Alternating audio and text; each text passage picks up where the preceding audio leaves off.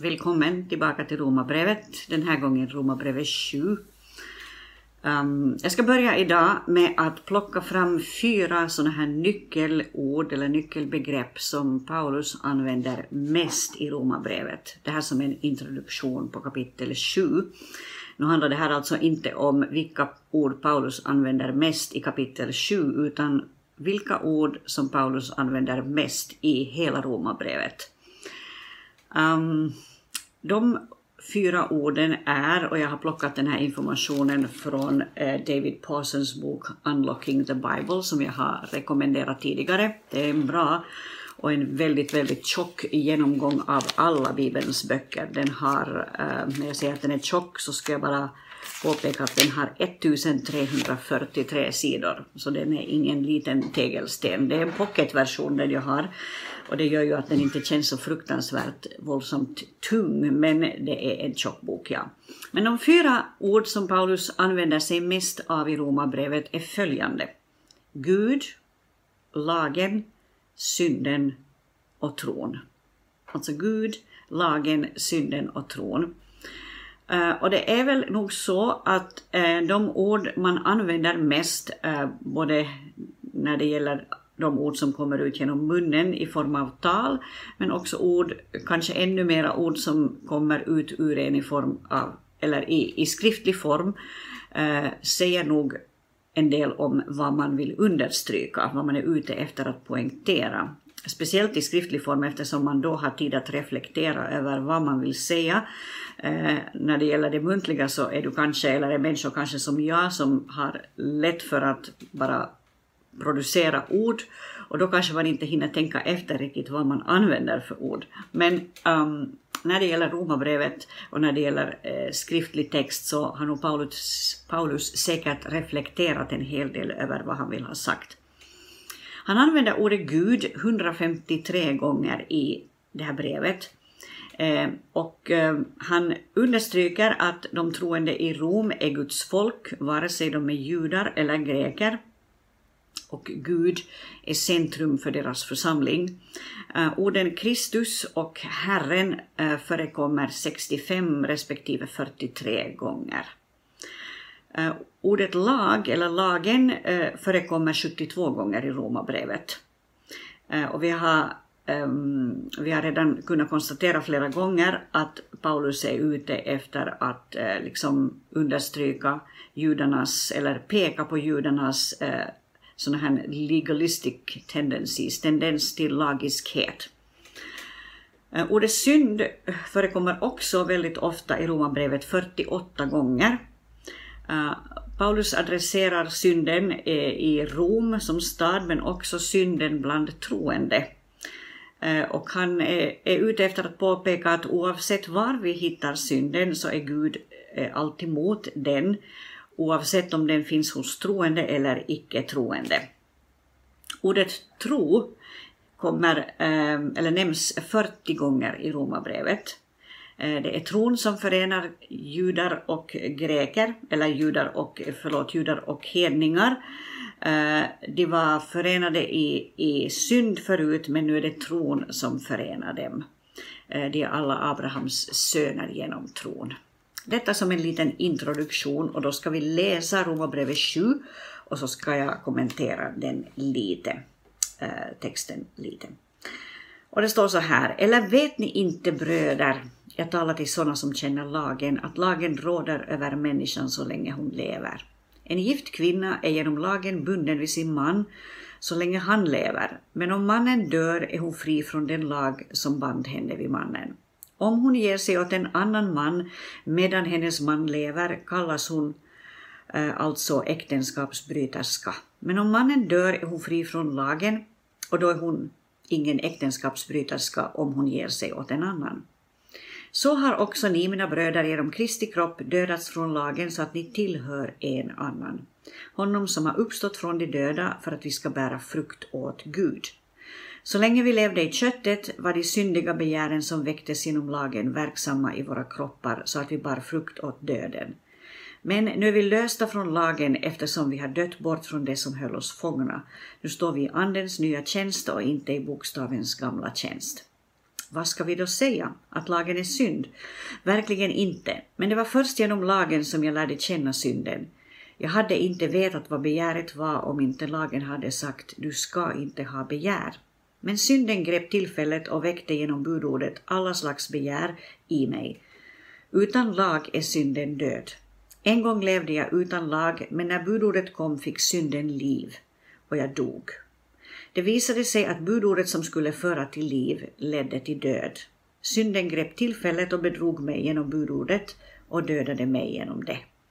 Alltså är lagen helig och budordet heligt, rätt och gott. Har då det som är gott blivit min död? Verkligen inte. Det var synden för att den skulle avslöjas som synd. Den vållade min död genom det som är gott för att synden genom budordet skulle avslöjas som synnerligen syndig. Vi vet att lagen är andlig, men själv är jag kötslig, såld till slav under synden. Jag kan inte fatta att jag gör som jag gör. Det jag vill, det gör jag inte, men det jag hatar, det gör jag. Och om jag nu gör det jag inte vill, då erkänner jag att lagen är god. Men då är det inte längre jag som gör det, utan synden som bor i mig. Jag vet att det inte bor något gott i mig, det vill säga i mitt kött. Viljan finns hos mig, men inte förmågan att göra det goda. Det goda som jag vill gör jag inte, men det onda som jag inte vill, det gör jag. Men om jag gör det jag inte vill, då är det inte längre jag som gör det, utan synden som bor i mig. Jag finner alltså den lagen för mig som vill göra det goda, att det onda finns hos mig. I min inre människa gläder jag mig över Guds lag, men i mina lemmar ser jag en annan lag som kämpar mot lagen i mitt sinne och gör mig till fånge under syndens lag i min kropp. Jag arma människa, vem ska rädda mig från denna dödens kropp? Gud vare tack, genom Jesus Kristus vår Herre. Alltså tjänar jag själv med mitt sinne Guds lag, men med köttet tjänar jag syndens lag. All right. Det är en ganska tuff text det här, men det är en viktig text och det är en bra text. Vi ska gå till början och eh, jag ska börja med att titta på de här första sex verserna som vi har här. Eh, Paulus beskriver alltså att när man inlemmas i Kristus, när en människa blir troende och inlemmas i Kristus, så dör hon inte bara från synden utan också från lagen. Det är en viktig notering. Han säger alltså att, eh, och han använder liksom en sån här bild egentligen här. När döden kommer emellan eh, två människor så slutar lagen gälla. Lagen binder hustrun vid hennes man, men när döden eh, kommer så upphör det här bandet dem emellan att gälla. Eh, och det här är alltså en bild som han använder eh, för att understryka att vi dör bort från det gamla för att tillhöra Gud eh, och tjäna honom eh, när vi lämnar vårt gamla liv och stiger in i det nya livet.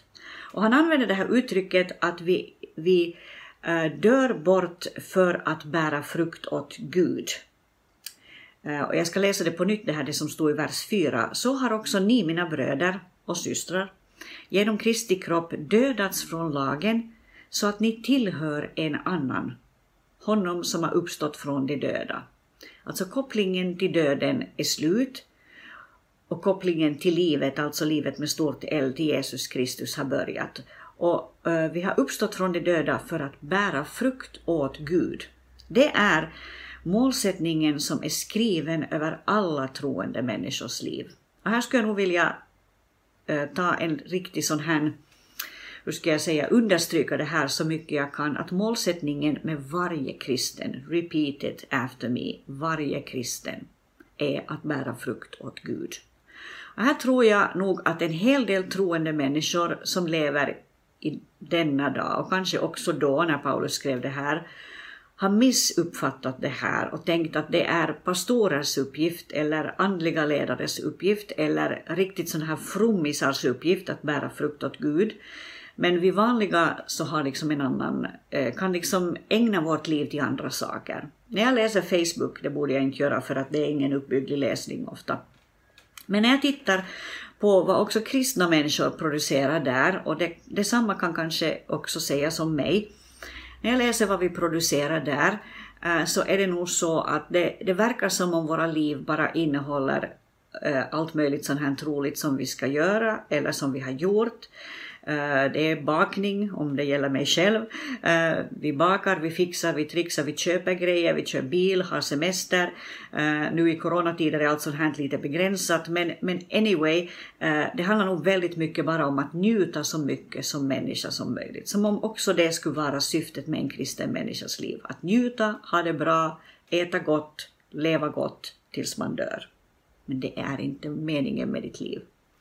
Jag tänkte ta in en parallelltext här eh, från Johannes evangeliets 15 kapitel eftersom det talades här eh, om att bära frukt åt Gud. Eh, det stod alltså, det uttrycket fanns i vers 4 här i Romarbrevet 7. Och samma uttryck används ju i, i Johannes 15 där Jesus eh, talar om vinträdet och grenarna. Han säger så här, och jag läser från vers 1 och framåt. Jag är den sanna vinstocken, säger han och min far är vinodlaren. Varje gren i mig som inte bär frukt tar han bort. Och varje gren som bär frukt rensar han så att den bär mer frukt. Ni är redan nu rena i kraft av ordet som jag har talat till er. Förbli i mig så förblir jag i er. Liksom grenen inte kan bära frukt av sig själv om den inte förblir i vinstocken så kan inte heller ni det om ni inte förblir i mig. Jag är vinstocken, ni är grenarna. Om någon förblir i mig och jag i honom så bär han rik frukt. Utan mig kan ni ingenting göra.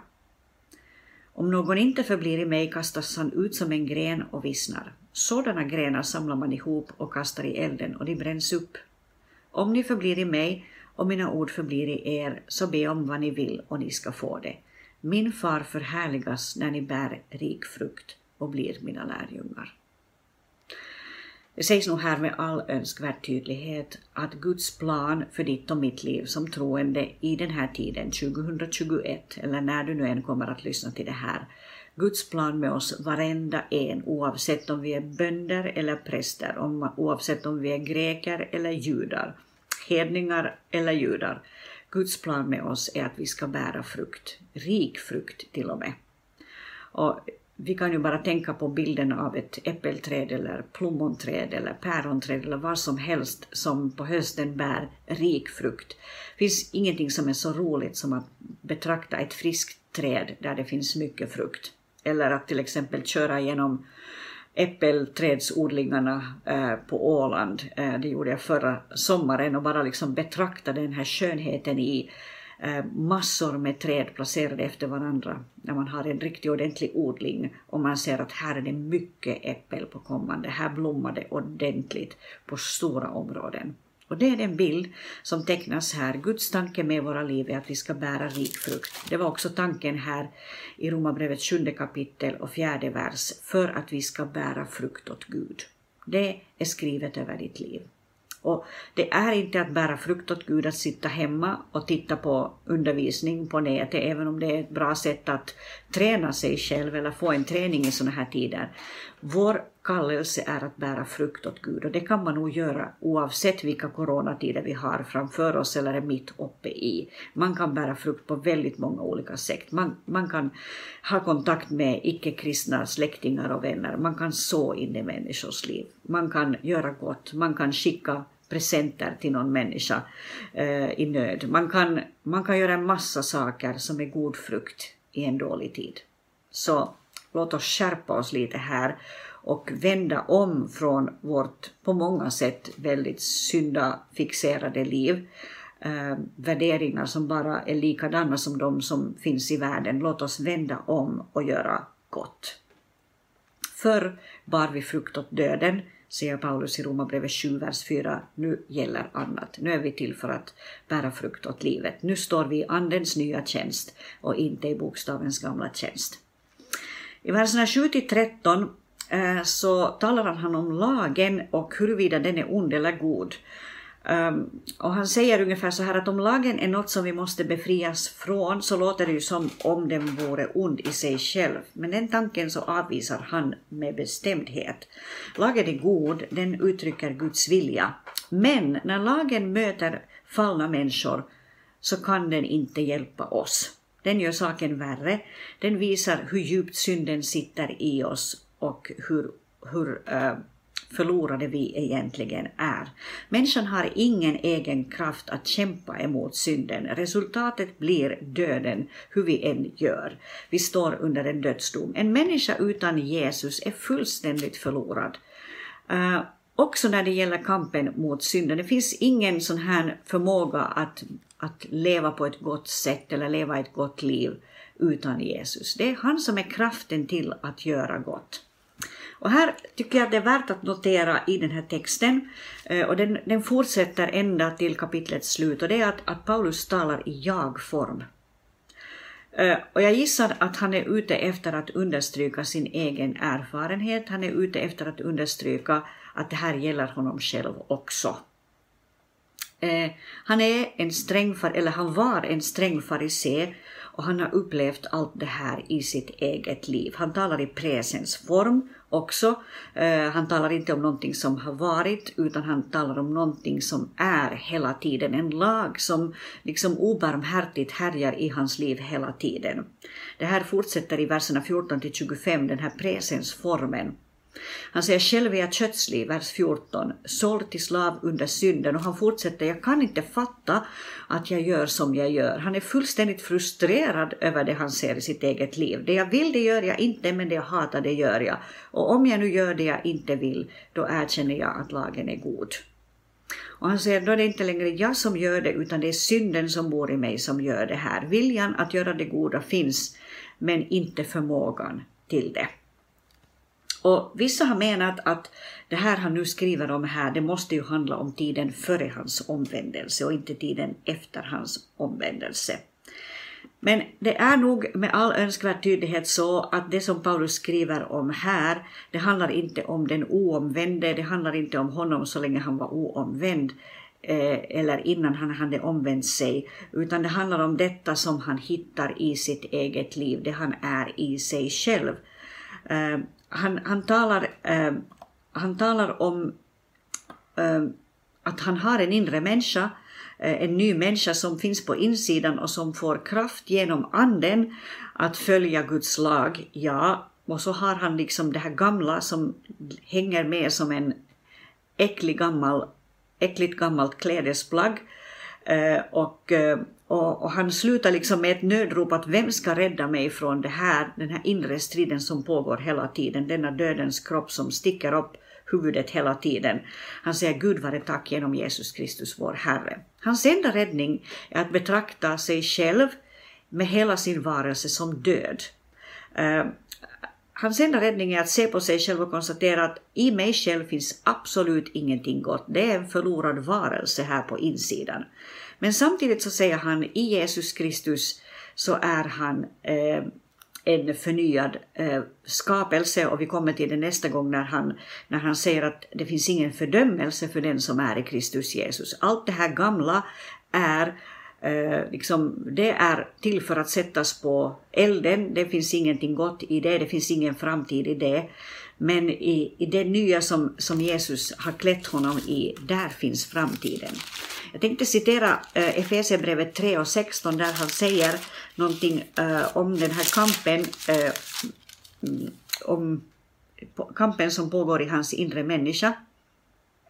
Eh, Ah, han säger så här i Efesierbrevet 3, 14 eh, till 16 så här att därför böjer jag mina knän inför Fadern, han från vilket allt som kallas far i himlen och på jorden har sitt namn.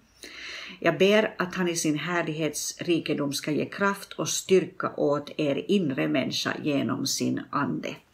Så han ber att eh, det som finns på insidan hos de troende ska få växa sig starkare, att helgelsen i praktiken också ska få äga rum allt mer, så att det som är av Gud och det som är fött av Gud och det som kan stärkas av Gud genom helgelsen, att det ska få bli starkare och att allt det där spektaklet som har att göra med hans gamla människa ska få sättas på elden allt mer, så att han mer och mer börjar likna Jesus. Och jag vet inte vad du har upptäckt i ditt liv under de år du har levt. Jag har snart levt i 55 år. Jag är ytterst tacksam för varje dag som går. Det är man om man har gått igenom en, en sjukdomstid. Ytterst tacksam för alla krafter som finns. Jag är inte tacksam för det spektakel av gammal människa som jag hittar i mitt eget liv varje dag. Men jag är ytterst tacksam för det att Gud inte ser på mig längre eh, bara i formen av den gamla Camilla utan han ser på den Kristus som Eh, är hans egen son och som jag har klätt mig i på grund av frälsningen, eh, som är min framtid och som är mitt hopp och som är min frälsning och som är orsaken till att himlen kommer att vara öppen för mig den dag, som, eh, den dag det är dags att stiga in där. Så jag skulle rösta för att du skulle ta en funderare kring det här att vem ska frälsa dig? Vem ska frälsa dig från det dödliga som finns i ditt liv? Och att du skulle sätta din tro till honom som har dött för dig och som har uppstått för dig, det vill säga Jesus Kristus, som älskar dig med en evig kärlek och som vill förnya dig till att bli en människa som liknar honom själv. Och det var därmed allt för idag.